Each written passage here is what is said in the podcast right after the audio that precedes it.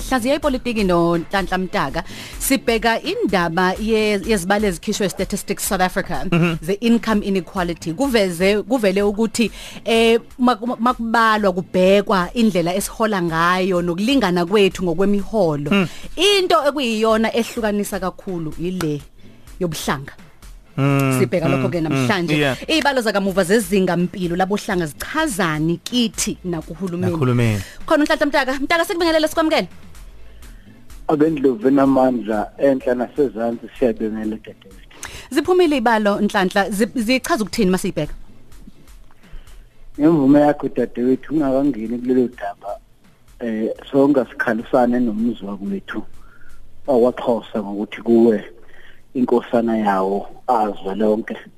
Ungomunye wethu ngohlanga ungwabenguni sonke kusuke ukuthize ngokuwa kwakhe.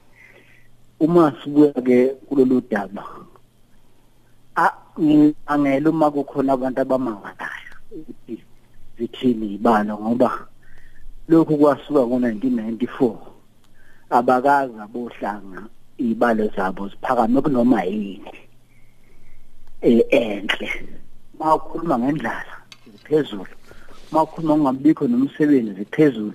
Mawukhuluma ngamaholo ziphezulu. Yiko ngithi angiyazi into ebimangaza abantu ngalezibalo kodwa ke umehluko wazo sekuthenini zona ayifani nalezi isibonelo zika 2015 eh la zazikhuluma kuphela ngezinga ngempilo eh kubhekwe eh, esigabeni esisodwa. Kulokhu bahlanganise udaba lentuthuko ukuthi fika kanjani kwabohlanga muyibuka kubelungu namandiya kanjalo njalo.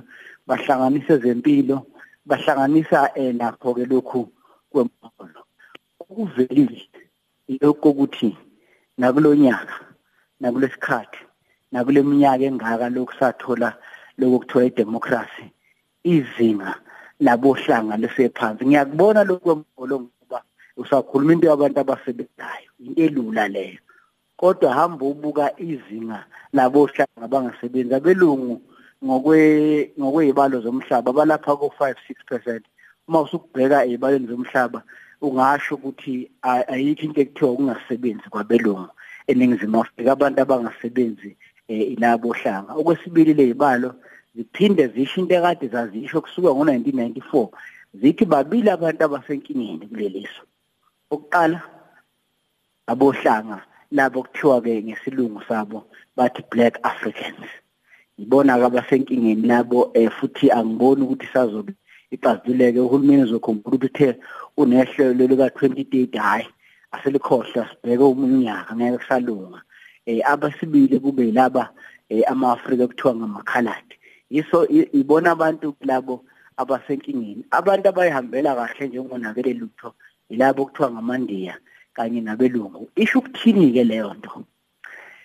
Isho ukuthi uhulumeni wethu namaqembu onke aseparlament akeke ukukhuluma into engenamsebenzi akeke akhulumele udaba lokuthi abohlanga abayiningi. Kuyikho yini ukuthi bahlale bekulesimo uphi umnotho wabohlanga iziphi ezempilo wabohlanga? Iphi nazinda wabohlanga?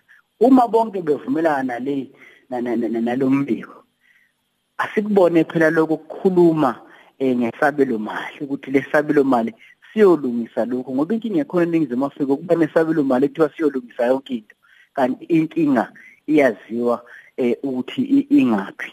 Okwesibili inkinga ezoba khona ukuthi zonke inhlelo kahulumeni ngabe ezokubuyisana kungabe ezani ngeke iphumelele ngoba kusho ukuthi sihleli phezulu kwentabamlilo engadubula noma yinini lokhu ukuthi siyajabula kuwine laba berugby into ezophela eh, izophela nje ngesinto elizayo izobe ingasekho kubantu abantu bazobe sebebhekene nesimo sabo. Okungesona ke isimo esihle ezweni ngoba akufuneki kuhlale njalo kunento engabuyisela izwe emva noma kunento engavusa umlilo. Okunye engicabanga ukuthi kumqoka u- ukuthi ab- abohlanga abawufunde lo mbiko. Kuyishwa nje ukuthi u-state SA awuyikhiphi ngolimo labohlanga kodwa sozama ngolesihlanu ukuthi siyihumushe.